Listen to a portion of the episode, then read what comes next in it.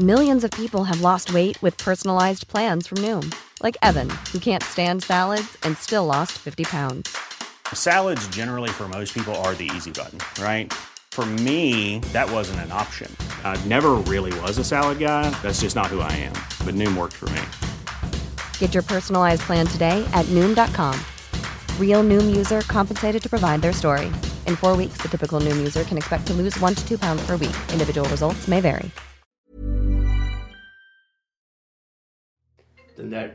Den här bruden som du håller på med, eller nyss Prata inte för mycket nu. Det här är en podd. Ja. Kan vi klippa tillbaka? Ja, jag får klippa i början Nöden har ingen lag. Avbryt inte. Välkommen till ett nytt avsnitt av podden Cyril och Stig. Jag heter Cyril Hellman och Stig det är författaren Stig Larsson. Dagens gäst är skådespelaren, regissören Torsten Flink. När jag träffade Torsten första gången det var, då fick jag annonsera att Ingmar Bergman var död för dig på Karolinska Ja, just det. Ja, just det. Jag skulle intervjua dig för Stefan Jarlbo. Just det, så ja. Det var min. Men när träffades ni först? 1980, när Torsten var 13 år. Jaha, just det. Du vet, jag var regissör. Jag var inte 13 år, jag var 18 år. Du var 18 år. Jag har alltid förskönat det hela och sagt att du var 13 år. Men eh, Torsten var skådis då. Det var väl en av de första grejerna du gjorde Ja, ja, visst. Jag hade precis börjat scenskolan. Ja. Och ehm, nej, så, så vet jag, det var inte jag som regisserade honom. Jag var regissör då. Du, du har redan sagt i tidigare, i vår första podd, att du har en talang för att upptäcka eh, genier. Var, var Torsten också någon du upptäckte? Nej, men jag tyckte att han var bra. Men det var inte jag som upptäckte honom. Det var faktiskt Jonas Conrad. Just det. Men du, du såg talangen. Det är klart jag är inte dum. Vad var ditt intryck av- Stig då? Nej, men vi möttes knappt. Nej, vi möttes knappt precis. Vi sa hej till varandra. så här. Va? Men vad gör du nu idag Torsten? Du, du kom från Malmö precis. Ja, ja, jag sitter här med sminket på mig fortfarande. Ja, en del av. det. Nej, nej, men jag har spelat Dr. Blas i, i Malmö på Stadsteatern. Fullsatt. Eh, 600 platser. Och det är ingen bråk nu. Christer Henriksson ägde väl rätt? Ja, ja, ja, ja. Det där eh, tönteriet med den mannen och den där kärringen som håller på där. Det kan vi ju bara strunta i. Rättigheterna släppte nu. Ja, visst. Så du behöver inte kalla den Dr. Flink? Nej, nej. Det är länge sedan. Nej, det där var ju bara... eh, Han är ju riktigt slem den här Henriksson. Alltså, han ska bara ha stort kokstryk egentligen. Det är en annan sak. Okej, okej. Hur, hur går det med musiken? Kör, kör du gig fortfarande? Ja, ja, ja. För det är alltså som folk som min son som är 13 år. De, alla vet fortfarande vem Torsten Flink är men de ser dig mer som musiker. De vet inte att du har varit regissör. Nej, nej. En del inte ens skådis. Nej, nej, just det. Det var ju den Melodifestivalen där. Eh, Men, men eh, jag, jag håller på med musik. Och den här sista plattan åt Flickorna på Upplandsgatan 71. Från fiaskot mitt emot. Den här hette jag. Eh, Den titellåten där. Den skivan är ju första gången som jag skrev, skrev texter. och Så. Ehm, halva plattan. Det är jag väldigt glad över. Faktiskt lyckad. Har du läst de texterna Stig? Nej. Titelspåret, den texten handlar väl om också hur du, hur du tittar utanför fönstret. Ja, på mina serier. Den, den som heter Tubblandsgatan. Till, eh, alltså, till flickan på Upplandsgatan 71. Från fiaskot mitt emot. Det är jag som är fiaskot. Alltså jag satt på en... När jag inte ville visa mig för dem. Va? Under, du vet när jag var som mest morfin och amfetamin. Liksom. Eh, 20 kilo nästan bara vätska som band. Och, liksom, du vet. Då visade inte jag mig för två, år- på två år nästan för dem. Jag lä- lämnade pengar så här till Annika men jag... eh, Jag ville inte att de skulle vilja se mig så. Nej, jag fattar. Nej, det är bra. Nej, men jag ska ta ner det kan jag förklara varför det är bra. Alltså det, det är väldigt enkelt. Du menar vad du sjunger. Du vill sjunga. Jag hörde ett potpurri en gång av sådana här schlagerfestivaler, du vet det, från början till. Och då så var det så uppenbart att under en, jag säger en 10-15 års period så den enda som menade det hon sjöng, det var Carola när hon sjöng Främling. Uh, hon menar uh, hur, hur tokigt det kan låta. Mm. Men om du inte vill sjunga det du sjunger utan du gör det för att du ska vinna eller du gör det för att tjäna pengar. Nej, det Det blir en jävla skillnad och man kan säga vad man vill om Ulf Lundell så är han, han är en artist. Va? Ja. Och det är ju du också. Men jag måste säga att Torsten, du har verkligen utvecklats. Jag menar, es- estradör har ju alltid varit. Eh, Men, men alltså din röst och närvaro och sånt. de- Ja. Ju mer jag följt det så har de ju verkligen utvecklats. Och och här, du valde ju, du valde ju rätt producent verkligen. Det är Mats Björke som har gjort det här. Det, låter, ja, det påminner mig lite. Det för tankarna till Mando Diaos jättebra skiva med Fröding-tolkningar. Ja. Liksom lite samma stämningar. Ja, det är ju Mats då som spelade Mandelgam och producerat. Men vad tycker du om mig som textförfattare? Ja, det är din Torstens debut som textförfattare. Jo, för du har inte skrivit texterna Nej, tidigare, eller hur? nej, nej. Nej, men det fungerar utmärkt. Det är liksom... Alltså, texter till låtar ska vara rätt enkla och samtidigt fånga någonting. Ja.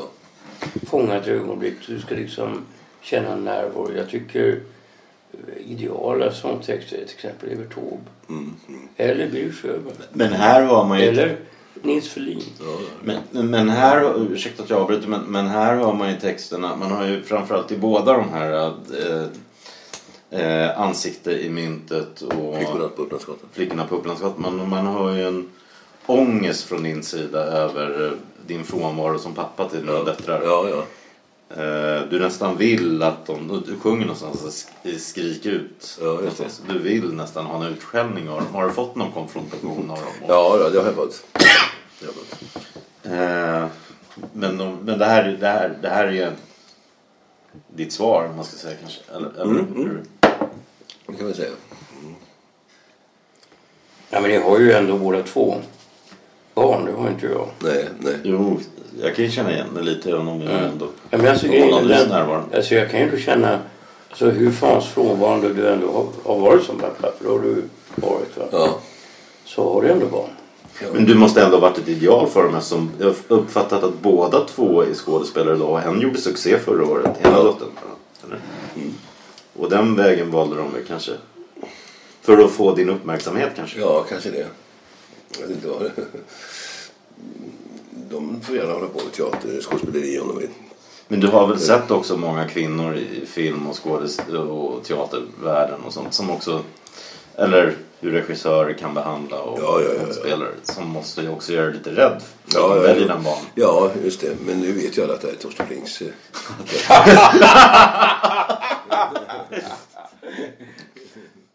Ja, jag Stig, du kan alltid skicka mig eller Stig på dem.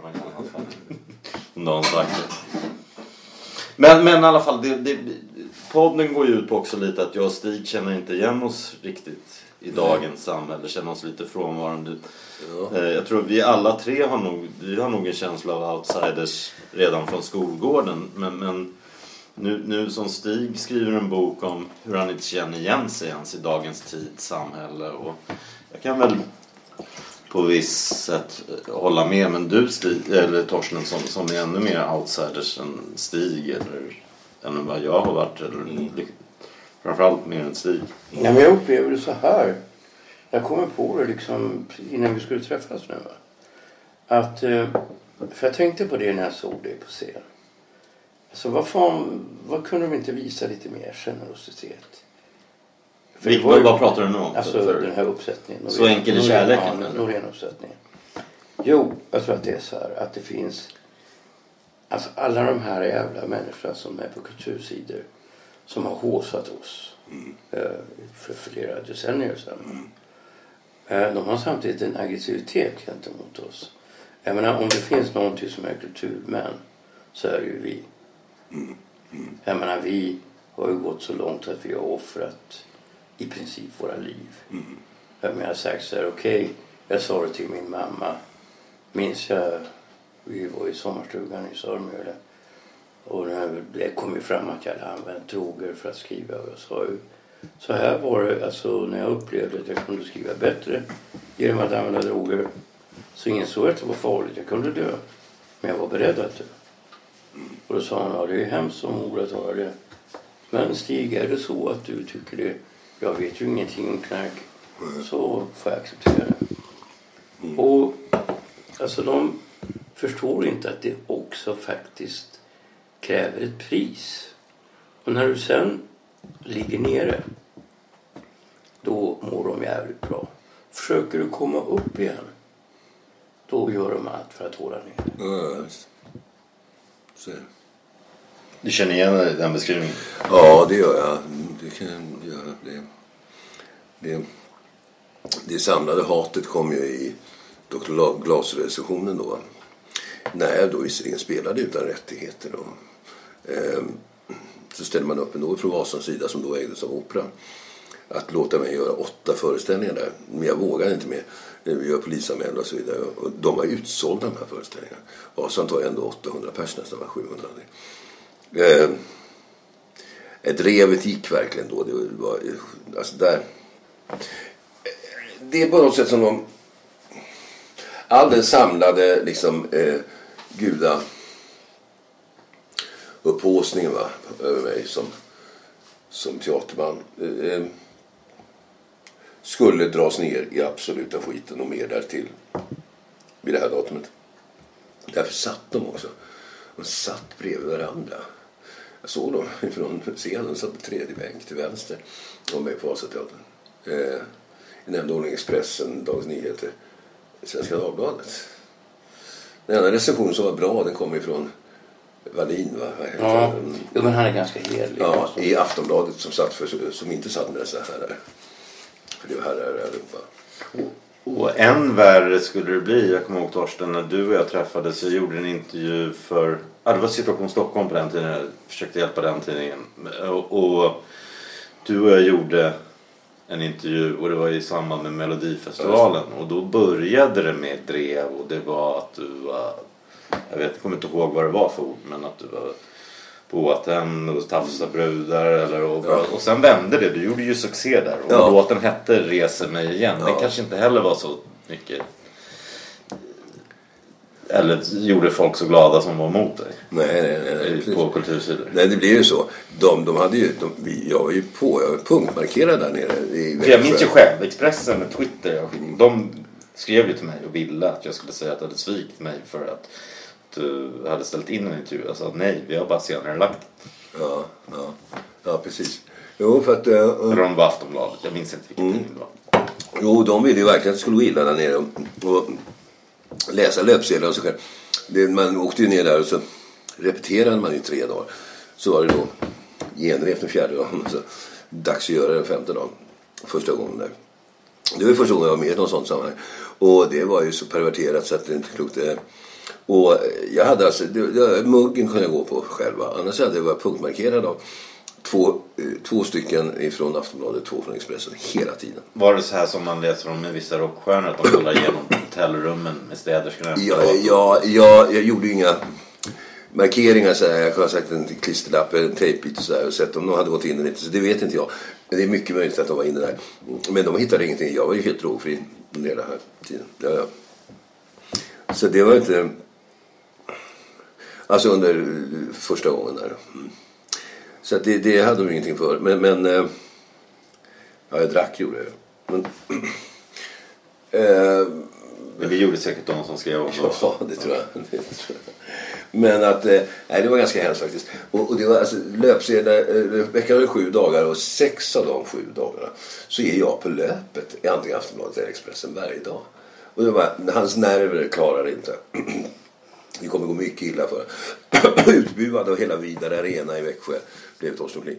Det måste också kännas jobbigt när man har barndöttrar. Ja, ja visst.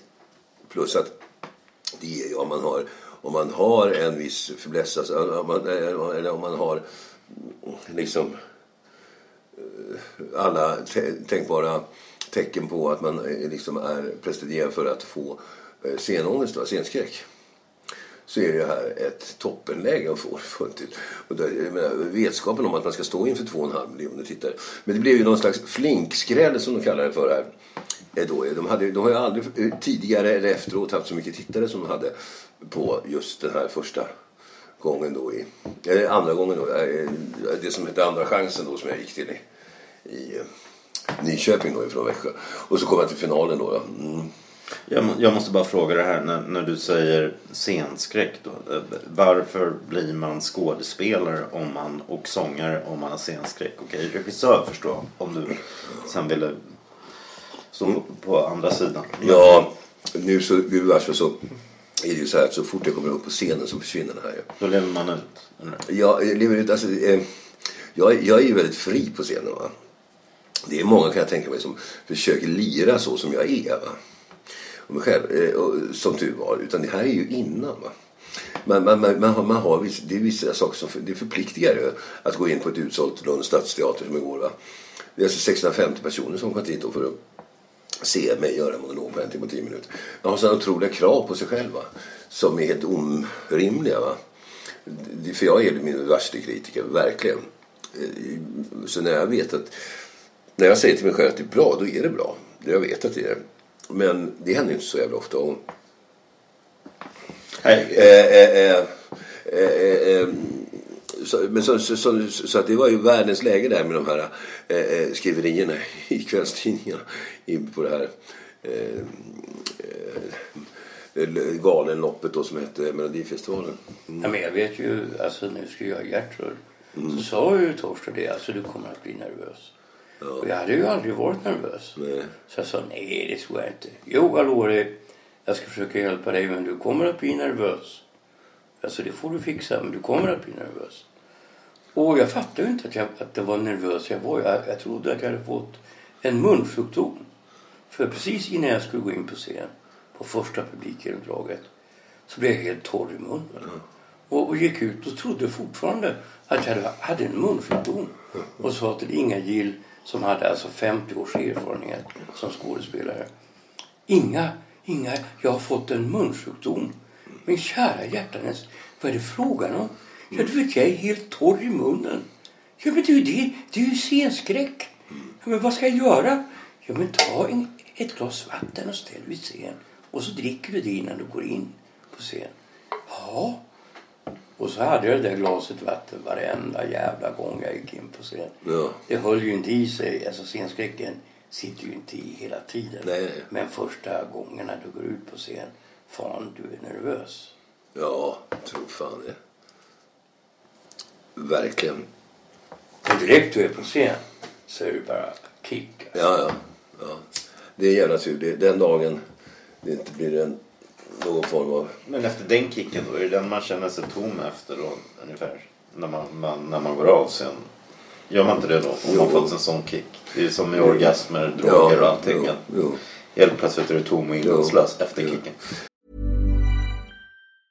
Jewelry isn't a gift you give just once. It's a way to remind your loved one of a beautiful moment every time they see it. Blue Nile can help you find the gift that says how you feel and says it beautifully with expert guidance and a wide assortment of jewelry of the highest quality at the best price. Go to BlueNile.com and experience the convenience of shopping Blue Nile, the original online jeweler since 1999. That's BlueNile.com to find the perfect jewelry gift for any occasion. BlueNile.com.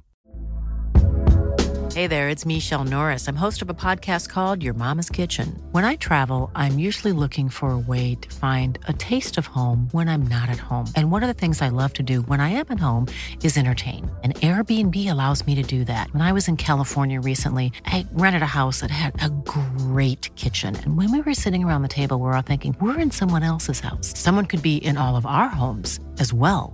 If you have a home, but you're not always at home, you have an Airbnb. Your home might be worth more than you think.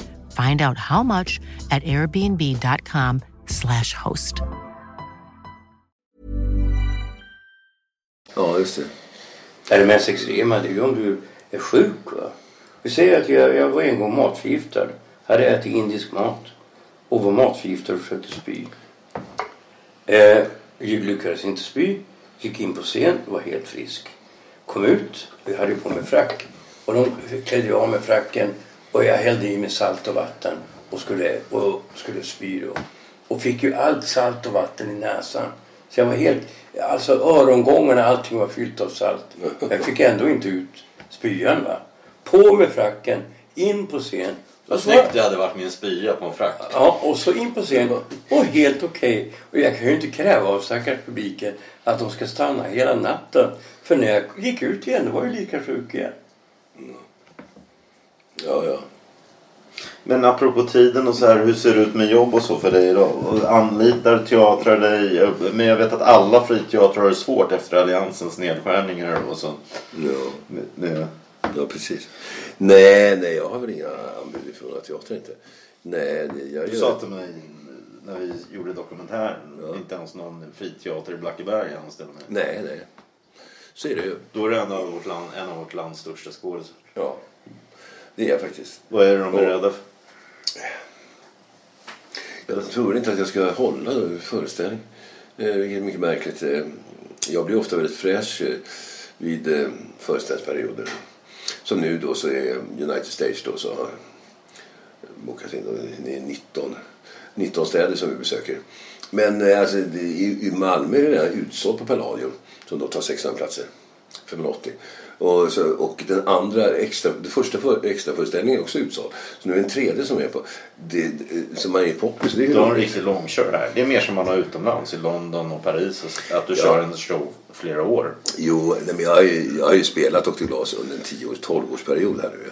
Men jag har ju inte spelat särskilt mycket om jag lägger ihop allt. Va? Det är inte mer än... Ja, jag har spelat 150-200 föreställningar. Låter ganska mycket Jo, fast inte under en 12-årsperiod. Nej. Men eh, jag tror att det här försvinner mer och mer det här. Jag kan väl inte på, men det är ju nästan så det tas i arv. Eh, rädslan för Torsten Flink. Nya generationer kommer, eh, eh, ska tillsätta skådespelare som teaterchefer då, mm, som de har känslan av. Eh, och alla har hört om att Torsten är så fruktansvärt. Men det där stämmer ju inte längre. Det är, sen ska jag gudarna veta att jag har alltså bara ställt, jag, har- alltså, all- jag har försovit mig en gång ifrån en föreställning som fick ställas in. Det är enda föreställningen som jag har ställt in. När jag själv stod på scen. Däremot har du lite svårt med tiden. Men jag kommer Ja, ja. ihåg att när jag bevakade när jag filmade den här uh, Så enkel är kärleken. Du dök ju ändå upp innan, men du dök upp kanske 5-10 minuter innan. Ja, ja, ja, ja precis. Ja, ja, ja, inte innan föreställningen. Det var inte... Då, då, då var tiden 5-10 minuter. Men innan, innan repetitionen. Men då Eh, övade eh, du å andra sidan replik. Då övade du fortfarande replikerna Ja, ja, ja. samma dag som Men premiären. märkte, märkte du inte att... att Jo, jo, det var nej, nej, sant. nej, men, Jo, jo. Ja, men märkte du inte att jag blev fräschare och fräschare hela tiden? Jo, jo. Mm. Medan de andra blev glåmigare och glåmigare. Men de blev lite gråare för dig. Ja, Men, men eh, jag vet ju att din... Att du... Inte, kanske inte dröm, men, men du skulle väldigt gärna vilja komma tillbaka till Dramaten. Hur ser du på det? Hur ser du på de utsikterna? Ja, jag vet inte om det där stämmer. Att jag vill, väldigt gärna vill tillbaka lite. Faktiskt, jag känner ju inte igen mig där om jag skulle komma dit. Det är ingenting av de som var där när jag var där. Det har ju gått faktiskt flera år nu. Jag, vad är det? Det är 12 eller 13 år sedan jag slutade. Eh, jag var där i 16 år. Men det är väldigt lite som är så likt sedan den tiden. Och de som blir gamla nu, och det är Ramberg och Marie Göransson allihopa. Det De är ju knappt, de är ju knappt på teatern. Nej, men man måste, ja, en ny, jag kan tänka, jag, nu, nu kan ju ni två teatervärlden bättre än vad jag kan. Eh, men, men om det är som i film så spelar ju etnicitet, kön eh, och sån och klass. Ja, klass har väl alltid ändå. Men, men nu gör man mycket med, med re, regional, regional tillhörighet, kön och ras. Men du är ändå halvmarockan Torsten. Ja. Du kanske inte går in under marockan. Men, men du, du, du kanske borde lägga till ditt din pappas marockanska Nej, namn? nej, nej, det ska jag inte göra. Nej, men jag känner ingen tillhörighet där. Jag känner ingen tillhörighet i Sverige heller. Jag är ju utan tillhörighet. Alltså. Mm. Så är det. Eh, Det jag mest kan känna igen mig med med mig själv. Alltså det är liksom det är Norrland och eh, Skåne i Sverige. Ehm, Där kan jag känna en viss tillhörighet med människorna. Inte bara för att du är Skåne just nu. Det är bara för att jag var i Skåne i, i förra året. Nej, det är inte. Nej. Eh, utan, nej, nej, det finns något. De är ju väldigt, väldigt olika. Skåne och Norrland. Det är också där Det jag... känns som två kontrahenter.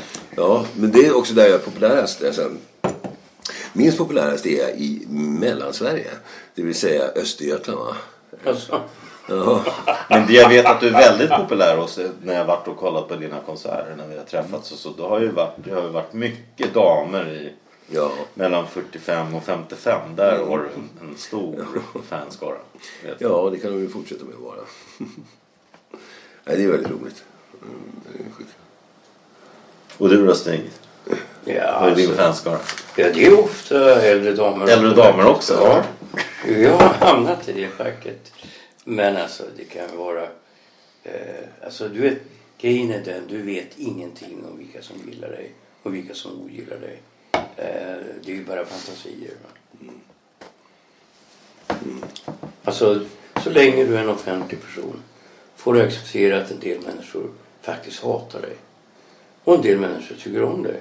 Jag märker när jag åker buss och tunnelbana kommer det fram ibland unga människor, ibland gamla tanter och säger ja du är så rolig. Och du förstår, jag skulle egentligen inte säga det eftersom jag är ju egentligen en gammal dam. Men jag tycker att du är så fräck att du får mig att skratta så mycket. Men så det måste du ändå, när, när jag filmade dig Torsten när vi var ute och käkade lunchen och sånt där. Det kom ju fram, ja förutom då damer och även unga tjejer så kom det fram invandrarkids och det kom fram alla möjliga och ville ta autograf och skaka hand och ta, ta selfies. Och, Ja, ja, just det. så att du, du känns ju ändå folkkär. Ja, ja. Nu har jag blivit det tror jag. Jag har blivit det. Och det är nog bara för att jag... eh, Ja, jag, jag är ju väldigt ärlig. Jag är väldigt icke nerskitad som konstnär. Jag har skitat ner mig själv som människa så att det räcker att bli över till tio stycken. Va? Men som konstnär är jag liksom orörd fortfarande. Jag har inte gjort någonting. Jag har inte... Känner ni någon släktskap där? Jag kan Ja, känna jo, också. Jag har jag inte heller kompromissat. Jag känner, jag. skriver det till min, min bok, att om jag känner släktskap med i, i min generation, nu är jag ju lite äldre än dig, några år va, så är det ju du, Rickard och Magnus Dahlström. Alltså, Vem är Rickard? Rickard Günther? Günther va.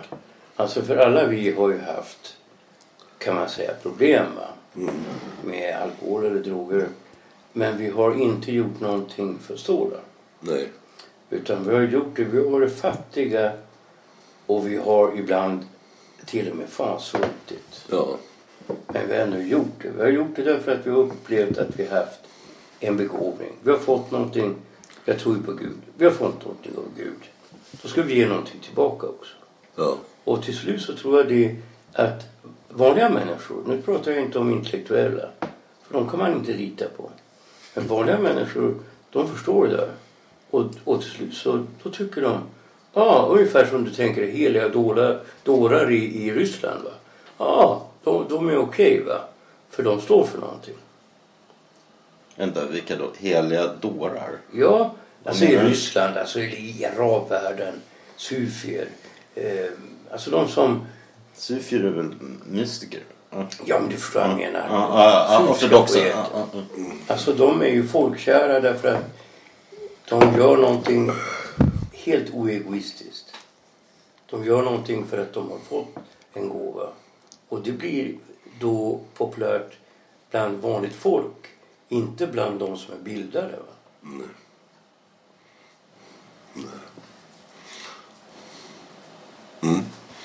Tror du på Gud, Torsten? Ja, det gör jag. Det gör jag. Tror på Gud. Eh, Sen om det är en eller flera gudar eller gudar, gud eller gudar, det vet inte jag mm, hur han eh, ser ut. i de- Gudakroppens gång, det vet jag inte. Men jag tror på Gud, ja det gör jag. De flesta människor i alla fall, eller inte, jag vet inte, nu talar jag för mig själv men jag tror att jag eh, är lite som de flesta människor där. De ber mer till Gud när man är i en kris och när man behöver hjälp. Ja.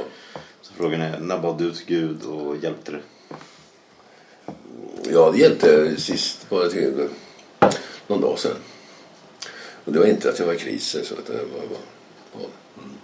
Jo, Men det hjälpte. Det hjälper alltid tycker jag. Även när det inte hjälper.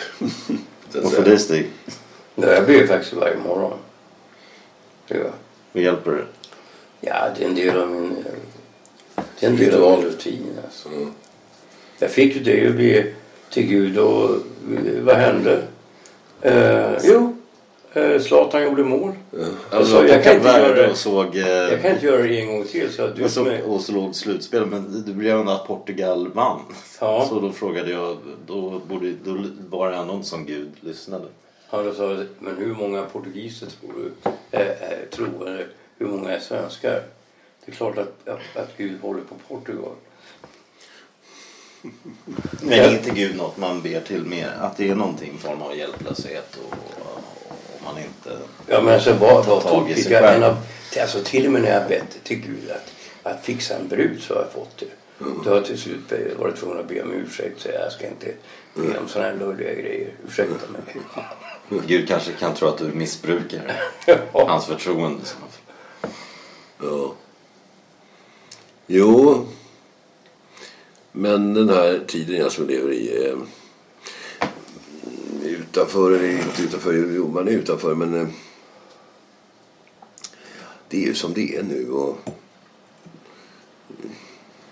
jag har ju ändå jobb liksom hela tiden. Du jag kan köra dina gig som musiker och du har dina pjäser. Och Wild och eh, Dr. Glas du kan köra som någokörare. Ja. Men du har ingen lust att sätta upp något nytt som Jo, regissör? jo, jo. Så är det. Vad ser du mest som? Regissör eller skådespelare? Nej, teaterarbetare. Ja. Lika mycket som båda.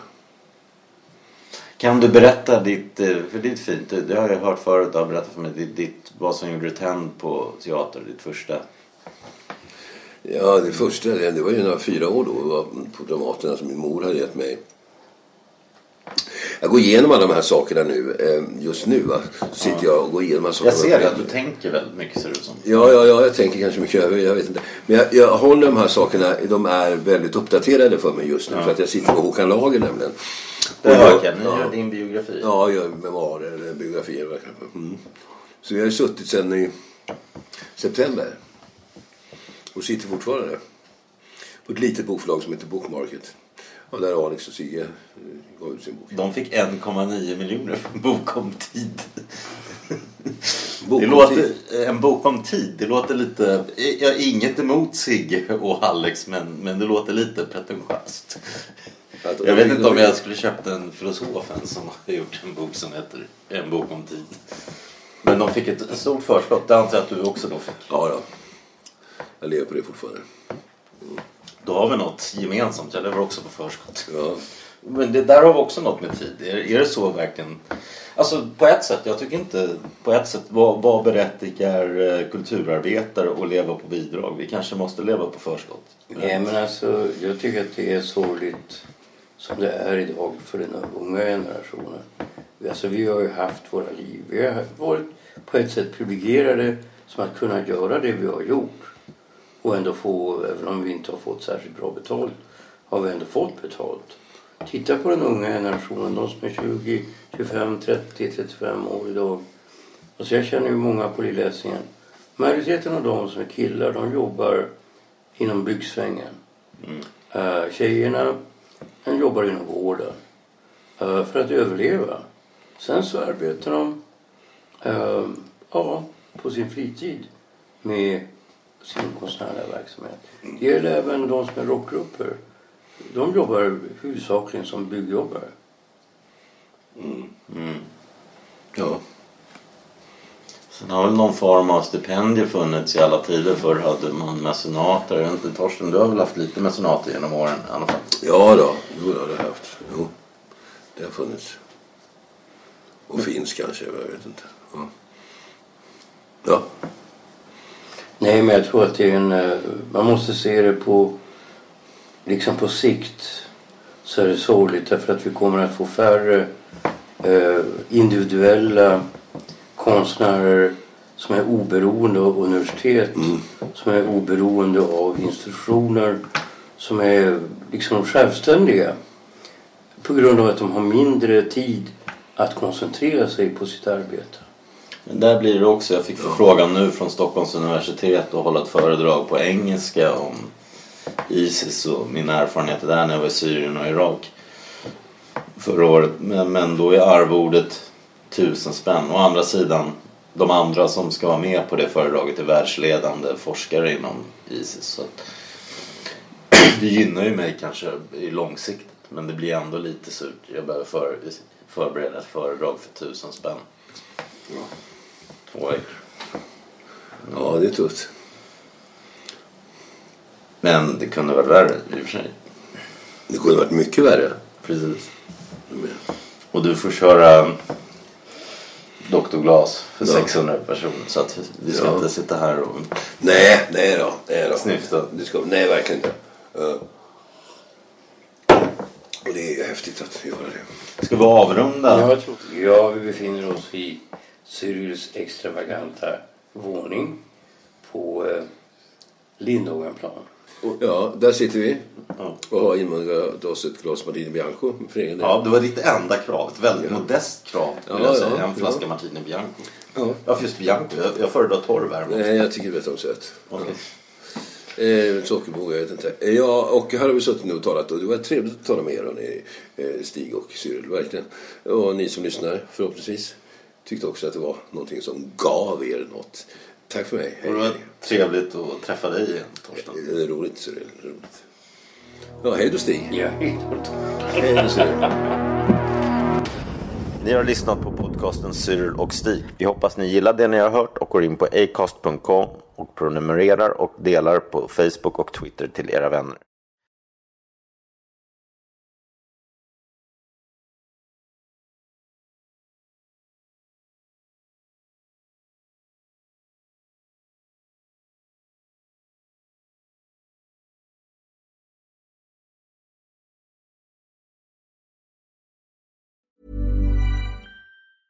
Even when we're on a budget, we still deserve nice things. Quince is a place to scoop up stunning high-end goods for 50 to 80% less than similar brands. They have buttery soft cashmere sweaters starting at $50, luxurious Italian leather bags, and so much more. Plus, Quince only works with factories that use safe, ethical, and responsible manufacturing. Get the high-end goods you'll love without the high price tag with Quince. Go to quince.com slash style for free shipping and 365-day returns. When you make decisions for your company, you look for the no-brainers. If you have a lot of mailing to do, stamps.com is the ultimate no-brainer. Use the stamps.com mobile app to mail everything you need to keep your business running with up to 89% off USPS and UPS. Make the same no-brainer decision as over 1 million other businesses with stamps.com. Use code PROGRAM for a special offer. That's stamps.com, code PROGRAM.